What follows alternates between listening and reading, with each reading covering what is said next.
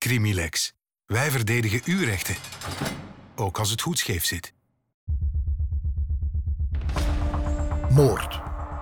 Afpersing. Ontvoering, diefstal, gewapende overvallen. Iedereen heeft recht op een goede verdediging. Ongeacht of je slachtoffer, beschuldigde of dader bent. Op basis van het strafdossier dat we dan toch ter beschikking hebben en voor zover dat we zicht hebben op wie het Polke was, denk ik wel dat mits goede bijstand we niet tot zeven verschillende bekentenissen waren gekomen. De Crimilex Tapes, seizoen 2, De Verdwenen Sasmeester. Meneer Maas, meneer Maas, u bent een vrij man. Op 10 november 1976 spreekt een volksjury Leopold Maas, beter gekend als Polke, vrij van doodslag op Marcel Koopman. Hiermee kwam een einde aan de opmerkelijke rechtszaak rond de verdwenen sasmeester van Kachtem. Het was een spraakmakende zaak die breed werd uitgesmeerd in de pers en het land verdeelde. De uitspraak loste de zaak niet op. Marcel Koopman is na al die jaren nog steeds niet gevonden. Of hij vermoord is en wie de dader is, blijft een groot mysterie. De zaak was voor velen nogthans zo klaar als een klontje, want Polke Maas bekende toch meerdere keren de moord. We doken in de Rijksarchieven en vonden de originele verklaringen van getuigen, onderzoekers en de bekentenissen van hoofdverdachte Polke Maas. Aan de hand hiervan vertellen we het verhaal van de verdwenen sasmeester van Kachtem en reconstrueren we de ondervragingen van Polke met acteur Maarten Bosmans als Polke. Waarom legde Polke zoveel valse bekentenissen af? En waarom is bijstand tijdens een verhoor essentieel? In het West-Vlaamse dorpje Rumbeke, tussen Roeselare en Izegem, woonde Marcel Koopman met zijn vrouw Maria Popova. Marcel was met zijn meter 68 en een gewicht van 62 kilogram een kleine, onopvallende man. Hij werd geboren in 1921 in een klein Frans dorpje en maakte de Tweede Wereldoorlog als twintiger bewust mee. De gruwel van de oorlog had een grote blijvende impact op hem. Zoals anderen uit zijn generatie sloeg de oorlog diepe wonden en liet littekens na die decennia later nog steeds zichtbaar waren. Het maakte van hem een wantrouwige man. Iemand die streefde naar een beter leven voor zijn gezin en hard werkte.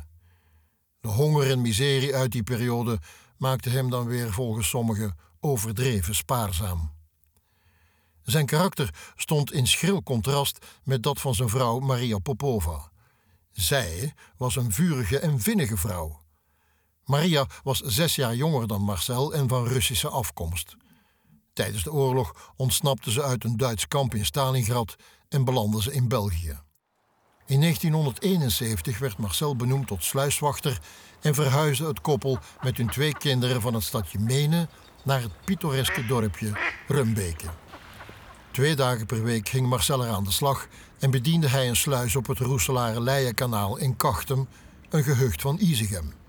Hardwerkend als hij was, kon je Marcel de andere dagen vinden in het schrijnwerkersatelier van zijn vriend en voormalig buurman Polke Maas. In 1921 werd Leopold Maas geboren in Menen, een West-Vlaams stadje tegen de Franse grens. Officieel Leopold, maar zo noemde niemand hem. Iedereen kende hem als Polke. Polke Maas. Polke had niet de gemakkelijkste jeugd. Als driejarig kind viel hij van een hobbelpaard. Een op het eerste zicht banaal ongeval, maar met blijvende gevolgen. Polke raakte deels gehandicapt en hield er een mankend been aan over. Op zijn 22e trouwde hij met een dienster uit een café. Samen kregen ze twee kinderen.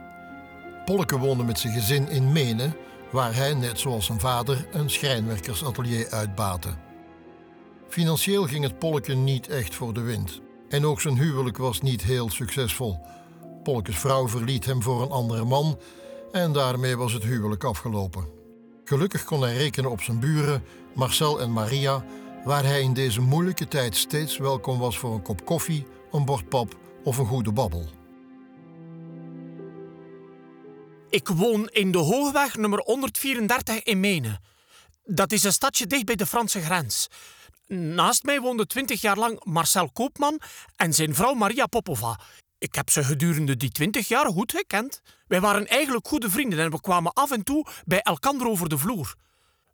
Zestien jaar geleden ging mijn vrouw er vandoor met een andere vent. Hè. En zes jaar geleden is ze dan te komen overlijden. En sindsdien ben ik weduwnaar. Hè. Marcel en Maria zijn ondertussen drie jaar geleden verhuisd naar Rumbeke. Marcel werkte om de twee dagen als sluiswachter en, en op zijn vrije dagen kwam hij af en toe wat helpen in mijn schrijnwerkerij. Als wederdienst vervoer ik Marcel soms, of zijn vrouw met de kinderen als ze ergens naartoe moeten. Maar we betalen elkaar daar niet voor, hè? Marcel hielp Polleke dus wel vaker in zijn schrijnwerkersatelier bij het afwerken van meubels. Ook op dinsdag 5 maart 1974 was dat het geval. Zoals het meestal de gewoonte was, pikte Polleke die dag zijn vriend Marcel Koopman op en reden ze naar het schrijnwerkersatelier om een dag hard te werken. Er moest namelijk nog een kast afgewerkt worden waar Polleke de hulp van Marcel goed bij kon gebruiken. De ochtend startte zoals iedere ochtend voordien. Maria Popova zette de tafel voor het ontbijt en maakte de kinderen klaar voor school. Marcel las, slurpend van zijn koffie, de krant. Er werd aangebeld en Maria Popova nam niets vermoedend afscheid van haar man. Hij stapte in de Opel Record van Polke en samen reden ze weg richting Polkes atelier. Het zou de laatste keer zijn dat Maria haar man zag. Want die bewuste dinsdag 5 maart 1974 verdween Marcel Koopman spoorloos. Gealarmeerd omdat haar man die avond niet thuis kwam, deed Maria Popova een dag later, op 6 maart 1974, aangifte bij de politie. Die namen de verdwijning van Marcel niet meteen serieus. En pas op 15 maart 1974, tien dagen na de verdwijning van Marcel, werd Polke Maas voor het eerst ondervraagd. Op dinsdag 5 maart, eh, rond half negen ochtends, ben ik Marcel gaan ophalen aan zijn woning in Rumbeke. Zoals dat de gewoonte was. Hij had een vrije dag en we hadden de zaterdag daarvoor afgesproken dat hij zou komen helpen in het atelier. Ja, zijn taak was om manchetten van zetels te verbinden en een kast te schilderen. En daar is hij dan mee begonnen. Hè. Eh, Smiddags zijn we samen naar de woning van mijn moeder gegaan. Dat ligt twee huizen over mijn atelier. Wij hebben daar ons middagmaal gegeten. Het waren koteletten met aardappelen, erwten en wortelen. En Marcel heeft zelfs twee keer opgeschept, dus het smaakte wel. Na het nieuws van één uur zijn we verder gaan werken. Ja, Marcel is verder gegaan met het verbinden van de machetten. Om twee uur middags vertelde hij mij plots dat hij een boodschap moest doen. Hij heeft daar geen precieze uitleg over gegeven en heeft ook niet verteld waar hij die boodschap zou doen. Ik heb ik daar ook geen verdere uitleg over gevraagd. Hij heeft zijn werk nog afgemaakt en om half drie is hij dan vertrokken. Hij zei nog: Als ik te zessen niet terug ben, zal ik mijn plan wel trekken om thuis te geraken. Want normaal gezien bracht ik hem altijd met mijn auto om half zeven naar huis. Aan het woord zijn dokter Linda Geven van de Universiteit van Leiden, experte in valse bekentenissen, en gepensioneerd commissaris Mark Ruiters, tot 2009 case officer bij de moordsectie van de gerechtelijke politie in Antwerpen. Hij was de commissaris waarop het televisiepersonage Witse gebaseerd werd. Als experts behandelden ze honderden zaken en ondervroegen ze verschillende getuigen, slachtoffers en verdachten. Ze kregen inzage in het strafdossier en dankzij hun schat aan ervaring geven zij ons een unieke kijk op deze zaak en op Polke Maas. Ook Crimilex strafrechtadvocaten Bart Vosters en Christophe Biele geven hun kijk op de zaak. Na het lezen van de stukken uit het archief, wat is jullie eerste indruk van Polke Maas geweest? Ik zou hem omschrijven als een vlotte man, een vlotte spreker. Ehm, ja, die, die vrij normaal overkomt. eh, niet aarzelt om, om te spreken, niet hapert. Een vlotte spreker, ja. Ik denk dat hij ehm, vatbaar is voor fantasie. Eh, misschien ook wel suggestie, juist omdat het verhaal echt alle kanten op gaat. Er kan natuurlijk maar één verhaal de waarheid zijn. En met zoveel versies lijkt het er wel op alsof daar allerlei dingen zijn gebeurd eh, in zijn hoofd of in de verhoorkamer. Ja. Dat is, ik heb hem eigenlijk leren kennen, ehm, het oude krantenkrips en het een boek van Gust Verwerfs waar de zaak werd eh, in beschreven. zaak is mij altijd bijgebleven. En dan ook bepaalde foto's die dat publiekelijk waren. Een kleine gedrongen man uh, met een klompvoet, een beetje gehandicapt. En het feit ook dat we een pollen kunnen noemen, een verkleinwoord, dat geeft ook al wel een bepaalde sfeer.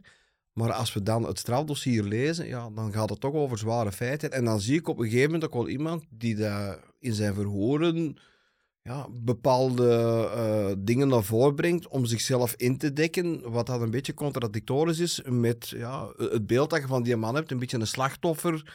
Uh, zo is hem ook neergezet, denk ik, tijdens het proces door zijn advocaat en gevolgd, denk ik, door de media en de jury uiteindelijk. Dus het is een beetje een tweestrijd tussen iemand waarvan ik denk, ja, het is een gewone man zoals er duizend en één zijn, maar langs de andere kant toch iemand ja, die dat problemen heeft gehad met zijn verhoren, ofwel in de mond gelegd, of zelfs dingen erin gebracht die dat hij dan toch wel goed doordacht en voorbereid had. Dus ik vind het een moeilijke, een moeilijke oefening om, een, om een, een, correct beeld van hem te krijgen, moet ik zeggen. Het helpt natuurlijk dat er in het dossier ook een rechtsdeskundig verslag aanwezig is. Misschien wel van de hand van een destijds uh, hotshot rechtspsychiater die ook bekend uh, staat om ja, zijn wegende indruk op assiseprocessen. Maar ik lees daar wel dat wanneer zo'n psychiater moet antwoorden op een aantal vragen die te maken hebben met de toerekeningsvatbaarheid, dat Polleke wordt bestempeld als niet gevaarlijk voor de maatschappij. Maar ik lees ook, heel belangrijk, dat het iemand is die eerder praktisch dan theoretisch is, is, ingesteld en die met het onmiddellijke, met het hier en nu bezig is. En niet plant op lange termijn en dat zegt voor mij heel erg veel wanneer ik dan vanuit die insteek, en ik zal aannemen dat dat een wetenschappelijk juiste insteek is, wanneer ik vanuit die insteek het dossier opnieuw lees en die verklaringen opnieuw lees. Aanvankelijk werd het onderzoek gevoerd door de Kortrijkse gerechtelijke politie. Verschillende mensen werden ondervraagd en het onderzoek kwam maar traag op gang. Maar wanneer de BOB van de Rijkswacht van Kortrijk het onderzoek overnam, kwam er schot in de zaak. Ze ondervroegen Polke Maas, een schrijnwerker en vriend van het slachtoffer, die hem als laatste levend zag. Na enkele verhoren bekende Polke een eerste keer de moord op Marcel Koopman. Na lang aandringen kom ik tot het besef dat ik er alle belang bij heb om de waarheid te vertellen. Zoals je later zult zien, werden er de voorbije maanden veel zaken verteld die voor het merendeel weinig of niets met de waarheid te maken hebben. De reden waarom ik niet de waarheid vertelde is eenvoudig. Ik ben heel verlegen en durfde de toedracht van het gebeuren niet te vertellen. Ik hoopte dat als ik de waarheid verzweeg, ik onschuldig zou kunnen pleiten voor de dood van Marcel. Pas nu snap ik dat die houding mij meer kwaad heeft berokkend dan ik kon vermoeden. Het is werkelijk een opluchting om de zaken te vertellen zoals ze echt gebeurd zijn. Ik, ik wil aan toevoegen dat het mij enorm spijt dat ik de gerechtelijke diensten zoveel maanden op een dwaalspoor heb gehouden. En dat het niet met kwade bedoelingen was. Op 5 maart ben ik naar Rumbeke vertrokken, waar ik Marcel in zijn woning heb opgehaald rond half negen. Samen zijn we dan naar Menen gereden en het was de bedoeling dat Marcel de laatste hand zou leggen aan een kast voor een klant van mij uit Antwerpen, de Koster. Die kast was bestemd voor vuilnisafval en ze hebben de kast s'avonds om zes uur nog komen ophalen. Marcel heeft die dag van negen tot half elf gewerkt aan die kast voor de koster, terwijl ik met de zetels bezig was. Smiddags zijn we bij mijn moeder gaan eten en daarna zijn we weer gaan werken in het atelier. We hebben toen besproken of er een armleuning op een siertafel moest komen. En ik heb toen aan Marcel gevraagd of hij een paar exemplaren van op de zolder kon gaan halen. Ik weet dat hij niet goed onderscheid kan maken tussen de verschillende leuningen, dus ik heb hem gevolgd naar de zolder. En daar zag ik dat hij met zijn rug naar mij op het verste uiteinde van de zolder stond. Marcel maakte aanstalten om, om een leuning op te tillen en, en toen viel hij door het plafond van de zolder naar beneden. Polleke verklaarde aan zijn ondervragers dat Marcel door de zolder viel. De zolder van zijn atelier was in slechte staat en bestond volgens hem uit leemplaten die slechts enkele centimeters dik waren. Marcel was volgens Polke nog nooit op die zolder geweest, maar wist wel dat het een onveilige plaats was. Hij mistrapte zich, stortte naar beneden en kwam met een doffe slag op de vloer terecht. Polke snelde zijn vriend tegemoet, maar alle hulp kwam te laat. Toen hij viel, ben ik onmiddellijk naar beneden gegaan. Dat duurde wel eventjes, gezien mijn beperkingen. Ik heb hem daar zien liggen in het voorste atelier. Ik zag dat hij een weinig bloed verloor uit zijn mond en neus. Ik heb Marcel dan op zijn rug gelegd en geprobeerd om hem weer bij bewustzijn te brengen. Maar zijn ogen waren toe. En, en hij gaf geen teken van leven meer. Zijn, zijn polsslag was niet meer aanwezig en hij ademde niet. Ik, ik wist niet goed wat doen. Vooral rekening houdend met het feit dat er mensen zouden kunnen langskomen. Ik ben een paar keer over en weer gelopen en uiteindelijk heb ik een opening gemaakt in de schavelingen en heb ik Marcel daar voorlopig ingestoken, nadat ik hem bedekt had met, met zo'n jute zak. Het weinige bloed dat op de grond lag, moet verwijderd zijn geweest toen ik Marcel over de grond sleurde naar die oop schavelingen. Nadat ik de situatie overschouwd had, kwam ik tot het besef dat ik bij een eventuele oproeping van de dokter in moeilijkheden zou kunnen komen. Ik vreesde dat ik ter verantwoording zou geroepen worden omdat Marcel uit vriendendienst bij mij werkte. Ik had hem niet aangegeven als werknemer en dus ook geen verzekering afgesloten voor mogelijke ongevallen. Tijdens die bedenkingen ben ik nog verschillende keren gaan voelen aan zijn lichaam. En uiteindelijk heb ik beslist om het lijk te doen verdwijnen en het gehele ongeval te laten voordoen als een verdwijning. Tijdens een ondervraging op 14 december 1974, die tot in de vroege uurtjes doorging, bekende Polke Maas dat hij de moord pleegde op zijn vriend Marcel Koopman. Maar is het wel de waarheid? Als ik dat nu hoor en weet wat de volgende verklaringen zijn, dan heeft dan, die man die liegt hier flagrant. Hè? Dus hij liegt, maar hij heeft een heel mooi verhaal en, hij, heeft hem dat allemaal zelf spontaan zo gezegd of is dat met vraag en antwoord gekomen? Daar heb ik geen idee op. Geen idee over. Uh, ik, het zou mij verwonderen dat die man dat allemaal zo in één, in fase in gedetailleerd heeft uitgelegd. Dus daar moeten toch wel onderbrekingen gebeurd zijn. Maar hij vertelt het vrij vlot. Maar hij vertelt het vrij vlot, maar je weet bij nadien dat het een leugen is. Dus het is een mooi verhaal. Maar je moet de achterkant al, begrijpen van de, van de fase dat, dat het een leugen is. Hè? Dus en hij zal nadien nog wel eens leugens vertellen. Dus, maar hier komt het over als al, heeft hem, hij heeft iets in zijn hoofd en hij wil dat op een of andere manier verwoorden, wetende dat het toch niet klopt. Uh, oh, wat? Nee, uh, het is een bizar, dat is ten eerste al een bizar verhoor, laat het mij zo uitleggen. Het lijkt erop alsof sommige delen heel helder zijn en andere delen ja, compleet veranderen over de loop van het verhoor. Maar die eerste versie zou heel goed de echte versie kunnen zijn. Uh, volgens mij ook omdat er verder nog niet heel erg veel informatie is. Dus dan zou ik zeggen dat is misschien de meest schone versie, de meest authentieke versie, voordat daar allerlei onderzoeksbevindingen aan zijn toegevoegd. Ik heb het idee dat zijn bekentenissen op een soort van voortschrijdend inzicht de hele tijd worden aangepast. Van oké, maar wat je toen hebt gezegd, dat past nu niet meer bij het bewijs wat we vinden, dus het moet iets anders zijn ga maar iets anders verzinnen. Alles kan, maar het zou inderdaad heel goed zijn dat dit de authentieke versie is. Ja. Daar ontstaat daar niet zozeer een bekentenis bij een misdrijf, tenzij dat misdrijf toen verdwijnen van een lichaam zou zijn.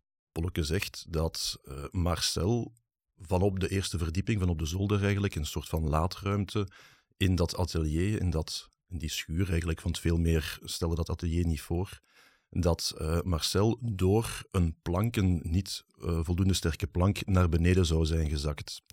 Beneden vond Polke hem dan op dat moment al dood. Polke geeft een verklaring. Ik kan me maar voorstellen dat die verklaring is ontstaan in zijn idee, zijn pogingen om zijn onschuld aan te tonen. Um, dat, ja, dat het een ongeval zou zijn. En ten einde raad, of niet goed wetend wat en, en hoe, dat hij dan maar heeft besloten om ja, om geen verdenking op zichzelf te laten, dat lichaam te doen verdwijnen. Het is mij opgevallen dat de afstapping, of de eerste, laten we het maar zeggen, huiszoeking, uh, met man en macht is gebeurd. En in het dossier lees ik dat dat niet gebeurt door uh, crime scene investigators, zoals wij die kennen van tv, maar door de plaatselijke brandweer en de gemeentelijke diensten, die daar het onderzoek gaan voeren ik kan me alleen maar voorstellen dat ze niet geweldig geschoold zijn in het beveiligen van sporen op zo'n belangrijke plaats. En ik kan me maar voorstellen dat Polk zich een uitweg heeft gepraat uit de verdenking die op, op hem rustte. Maar dan bleek dat in feite niet te kunnen kloppen. die val zou wellicht nooit een dodelijk uh, ongeval hebben kunnen zijn. En het gat waardoor Marcel zou zijn gevallen tussen de verschillende balken zou te klein zijn om een mens daardoor te laten vallen zonder dat hij in een, in een valreactie zichzelf nog zou proberen tegen te houden. Um, en dan zou dat allemaal in feite onrealistisch en onwaar zijn. Ik heb een wrang gevoel bij Polke Maas zelf, maar waarom nu te zeggen van hij is hier, hij is de schuldige. Er is ook geen sprake van andere verdachten in het hele dossier. Dus uh, er zijn toch een aantal elementen die tegen hem spreken. Maar natuurlijk op basis van, uh, van zijn verklaringen, hij heeft dus telkens een andere een uitleg willen geven over, over hoe het nu echt zou gebeurd zijn. En dat klopt dan blijkbaar niet volgens de vaststellingen van de, van de politiemensen, de rijkswachters die dan uh, het onderzoek hebben gedaan. Dus het is nog altijd een twijfel. Ja, wat me in het algemeen eigenlijk opvalt, is dat ik helemaal niet kan toetsen in hoeverre iets gedetailleerd is of misschien de waarheid is omdat we eigenlijk helemaal niet weten wat er met die Marcel Koopmans gebeurd is. Dus je kunt het niet toetsen aan bewijzen. Dus die planken die zijn net zo goed de avond van tevoren kapot zijn gegaan. Dus eigenlijk alles wat hij zegt zou kunnen of niet. Het lichaam van Marcel Koopman is nooit meer teruggevonden. Zou hij vermoord zijn? En wie is de dader? Maar vooral, waarom wilde iemand de sasmeester van Kachtem doen verdwijnen? Polke Maas was de laatste persoon die Marcel Koopman levend zag en was daarmee ook meteen hoofdverdachte nummer 1. In de volgende aflevering van de Crimilex Tapes gaan we dieper in op het onderzoek rond deze verdwijning en analyseren we de verhoren en verschillende bekentenissen van Polke Maas. Wil je meer achtergrondinformatie of wil je zelf de originele stukken van het dossier inkijken? Dat kan. Schrijf je in op criminex.be/podcast.